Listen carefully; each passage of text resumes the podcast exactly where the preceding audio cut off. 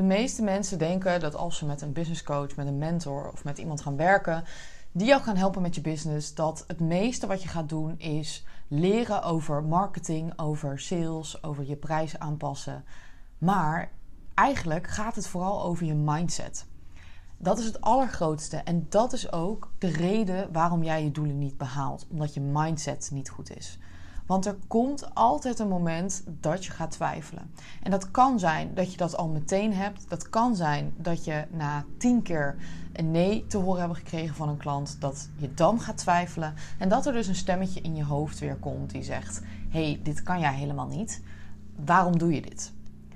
Nou, en waar het vaak te maken mee heeft, is dat je bevestiging zoekt van buitenaf. En ik herken dat heel erg. Ik heb dat ook heel lang gedaan in mijn business dat ik continu bevestiging van buitenaf aan het zoeken was. Dus ik moest horen van klanten, van mensen die mij volgden, van mensen om me heen dat ik goed bezig was. Want anders nam dat stemmetje in mijn hoofd de overhand om ja, te zeggen: hey, dit kan jij helemaal niet. En het mooie is dat op het moment dat ik honderd mensen zeiden tegen mij: hey Deborah, je bent goed bezig. En één iemand zei dat niet, dan bleef ik me focussen op die ene persoon. Misschien herken je dat wel. Dat je denkt, ja, waarom blijf ik me nou zo focussen op die ene persoon die negatief is? Die ene persoon die niet in mij gelooft. Of die ene klant die iets heeft gezegd. Of die klant die nee heeft gezegd. Waarom focussen we ons daar zo erg op? En waarom focussen niet op wat wel allemaal mogelijk is? Nou, en dit is iets wat je zo erg tegenhoudt in de doelen die je wilt behalen. Omdat op het moment dat jij elke dag tegen jezelf zegt dat jij het niet kan, hè, dat je niet goed genoeg bent, dan ga je dat geloven. Dit heb je waarschijnlijk jezelf aangeleerd, dus er gaat heel veel tijd overheen om dat de hele tijd tegen jezelf te zeggen. Maar aan de andere kant doen we daar dan ook niks aan om daaruit te komen. En we zeggen één keer: Oké, je kan het wel. En dan denk je: Yes, het gaat even goed. Dan zit je in zo'n high. Maar dan een week later zit je weer precies in hetzelfde proces. Dit is helemaal niet raar. Dit, dit hebben we allemaal. En de kunst is om jezelf dus ook positieve dingen aan te leren. En dat doe je dus precies op dezelfde manier als dat je dat met die negatieve dingen hebt gedaan. Dus elke dag tegen jezelf zeggen: hier ben ik goed in, ik kan het wel. Dus positieve dingen tegen jezelf zeggen. Nou, voorbeelden daarvan zijn: plak het op je wc. Ik heb het bijvoorbeeld op mijn wc hangen. Ik schrijf elke ochtend op het moment dat ik dus mijn notitieboek pak, schrijf ik ook de positieve dingen op. Uh, spreek het desnoods in en luister het elke dag af. Maar je kunt het ook buitenaf gaan zoeken als je merkt dat je dat in je eentje niet kan. Wat helemaal niet erg is. Maar accepteer dan ook dat je soms even iemand anders nodig hebt om je daar zelf uit te halen. mijn klanten hebben mij daarvoor, maar ze kunnen ook kijken: zijn er mensen in mijn omgeving, dus in mijn cirkel, die me eruit kunnen halen? En daarin moet je dus ook kritisch zijn met wie jij omgaat en met wie je dit ook bespreekt. Dus kijk eens naar de vijf belangrijkste mensen in jouw leven. En wat zij doen voor werk. Staan ze hetzelfde in het leven als wat jij doet? Snappen ze ook wat je doet? Zijn dat nou echt de mensen waar je dit aan moet vertellen? Of kan je dat beter aan andere mensen doen die hier hetzelfde in staan? dus bijvoorbeeld business buddies, een coach, ehm, mensen die ook ondernemen omdat die snappen waar jij doorheen gaat. En die jou dus makkelijk daaruit kunnen trekken. En ik ben dus zelf een boek aan het lezen over uh, bindingsangst en over verlatingsangst. En daar werken ze met een hechtingscirkel. En ik dacht eigenlijk, waarom kan je die cirkel ja, niet ook voor je business gebruiken? Waarom is dat alleen maar voor bindingsangst of verlatingsangst? Want je kan het net zo goed voor je bedrijf gebruiken. Uh, dus die heb ik vorige week ook uitgewerkt. Voor momenten dat je dus angst voelt. Momenten dat je denkt, nou weet je, ik ga dit niet online zetten, want ik voel een angst. Of momenten dat je dus ja, eigenlijk even blijft zitten in die negatieve gedachten. Wat kan je dan doen om daaruit te komen? Nou, en die allereerste stap is heel erg belangrijk. Dat is stilstaan in plaats van wegrennen. Dus sta stil. Ga letterlijk even op een stoel zitten. En voel even je lijf. Voel, oké, wat, wat voel ik nou echt? Dat is meteen stap 2. Wat, wat voel je nou? Dus ga stilstaan in plaats van TikTok openen, afleiding zoeken. Dat is iets wat ik ook heel veel heb gedaan. En ik weet dat van mezelf op het moment dat ik een angst voel, of ik voel me negatief, of ik denk, nou, weet je, het lukt allemaal niet meer. Ik weet precies wat ik doe. Ik pak mijn telefoon en ik ga TikTok kijken. Omdat dat voor mij een hele makkelijke uitweg is om niet te hoeven nadenken over wat ik op dat moment voel. Of ik ga een serie kijken. En ik ga allemaal andere dingen doen dan eigenlijk stilstaan. Dus bijvoorbeeld heel veel mensen gaan schoonmaken. Of uh, ik ben ook zo iemand die dan ineens heel veel gaat wandelen. En dan denk je, oh, dat is maar goed, want je gaat wandelen. Dus dan ga je nadenken. Nee, want dan ben ik dus helemaal niet ermee bezig. En dan zoek ik eigenlijk gewoon nog steeds afleiding. Um, om de tijd te verdoen om niet echt stil te staan. Dus wat ik echt letterlijk doe, is ik ga op de bank zetten, zitten, ik doe mijn telefoon weg, ik doe alles uit en ik ga het opschrijven. Dus ik ga stilstaan, dan ga ik voelen en dan ga ik het opschrijven. En dat helpt heel erg om het ook weer eventjes van een ander perspectief te zien. Dan alleen maar mijn eigen stem die zegt: Ja, wat ben je nou allemaal aan het doen en het gaat niet goed. Nee, even rationeel ernaar kijken. Is het nou echt zo erg? Hoe kan ik dit nu omdraaien voor mezelf? Dus sta stil. Dat is echt de allereerste stap als je voelt dat je eigenlijk het niet wil negeren en ja, wil wegrennen. Dus het stukje voelen komt eigenlijk meteen daarachterna. Die tweede stap is het stuk voelen. Het is oké dat je je zo voelt. Maar probeer dan ook een actie eraan te koppelen. Oké, als ik me zo voel, wat kan ik dan zelf doen om mezelf daaruit te halen? Of heb je misschien iets nodig om jezelf daaruit te halen? En dat is ook helemaal niet erg hè, als je iemand anders nodig hebt om jezelf daaruit te trekken. Uiteindelijk wil je het altijd vanuit jezelf halen. En want dan wil je niet iemand anders nodig hebben om jezelf daaruit te trekken. Maar het mag best in het begin, als je dat lastig vindt.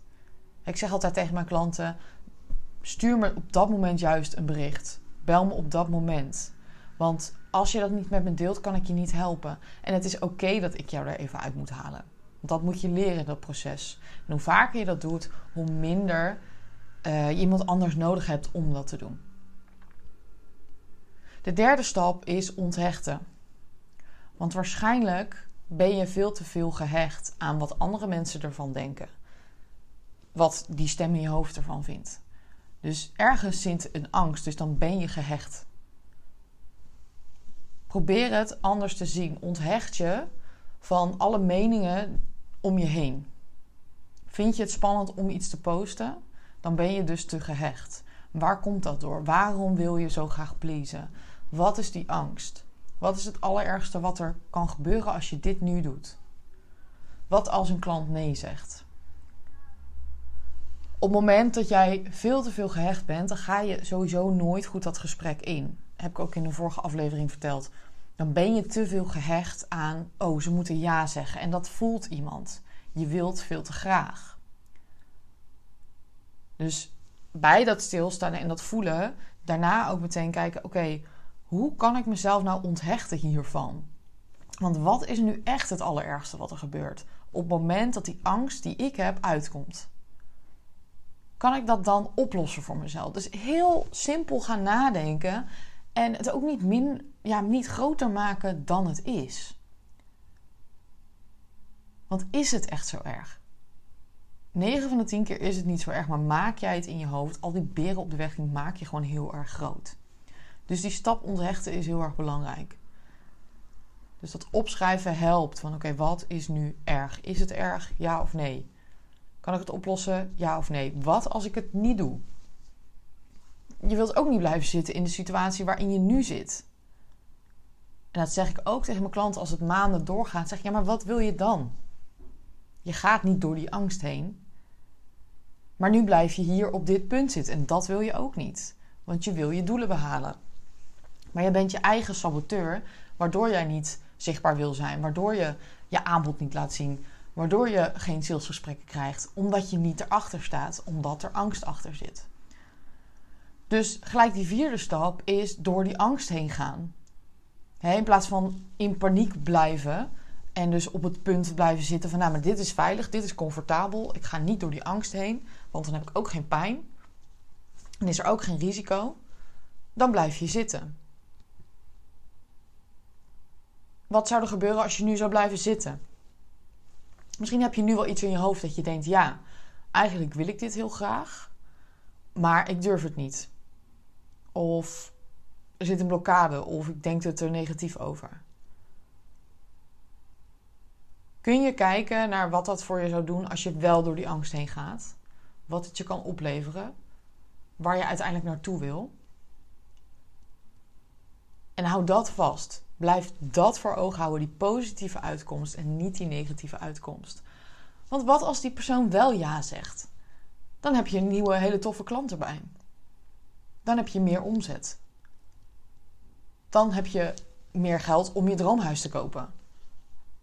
Dus uiteindelijk draagt het allemaal bij aan het, aan het einddoel wat je hebt. Dus ook de kleine dingen die je elke dag doet of wil doen, zorgt ervoor dat je uiteindelijk bij dat grote doel komt. Dus hetzelfde met: hey, ik vind het spannend om te gaan podcasten.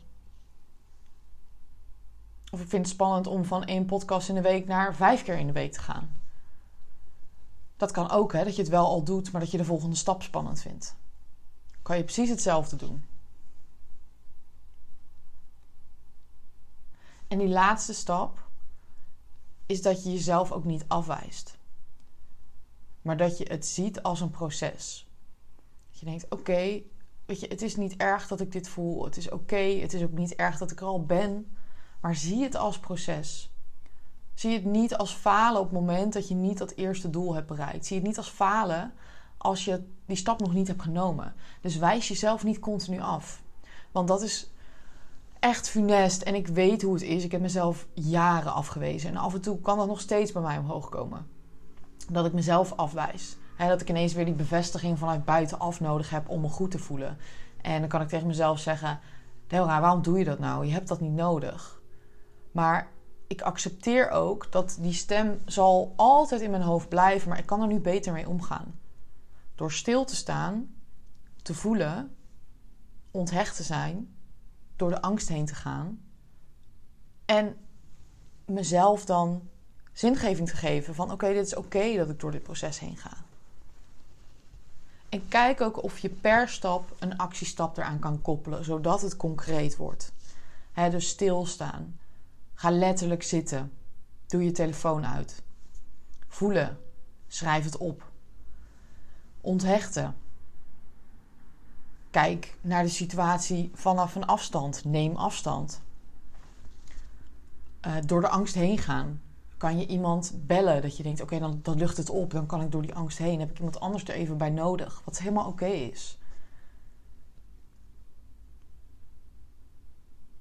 Kijk of je het concreter voor jezelf kan maken. Dus weer triggers voor jezelf kan neerzetten, waardoor het makkelijker wordt. En ook wie kan jou accountable houden? Wie kan ervoor zorgen dat je dit wel gaat doen? Zet je ego ook eens aan de kant. En zoek naar mensen in je omgeving die dat kunnen. Zoek naar de juiste personen en niet naar de mensen die jou naar beneden halen, die je naar beneden trekken. Want dan wordt het alleen maar erger.